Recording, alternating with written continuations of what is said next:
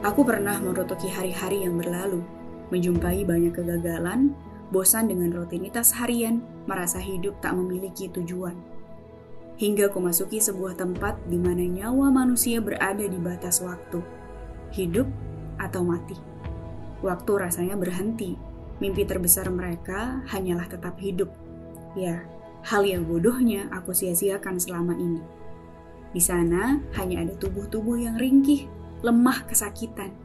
Tiap napas merintih menyesakkan. Ada suara jerit tangis anak-anak yang merasakan derita bahkan sebelum mengerti dunia. Ada tangisan meraung-raung mengiringi detik demi detik kepergian ibundanya, pulang kembali pada sang pencipta. Ya, ternyata kehidupan yang kita rutuki setiap hari adalah impian besar yang harus dibayar mahal banyak orang. Berjumpa pagi, melihat langit yang indah, menghirup udara gratis dengan mudah, dan menjalankan berbagai peran, bekerja juga beribadah. Ternyata anugerah terbesar manusia, kehidupan. Maka waktu kita begitu berharga.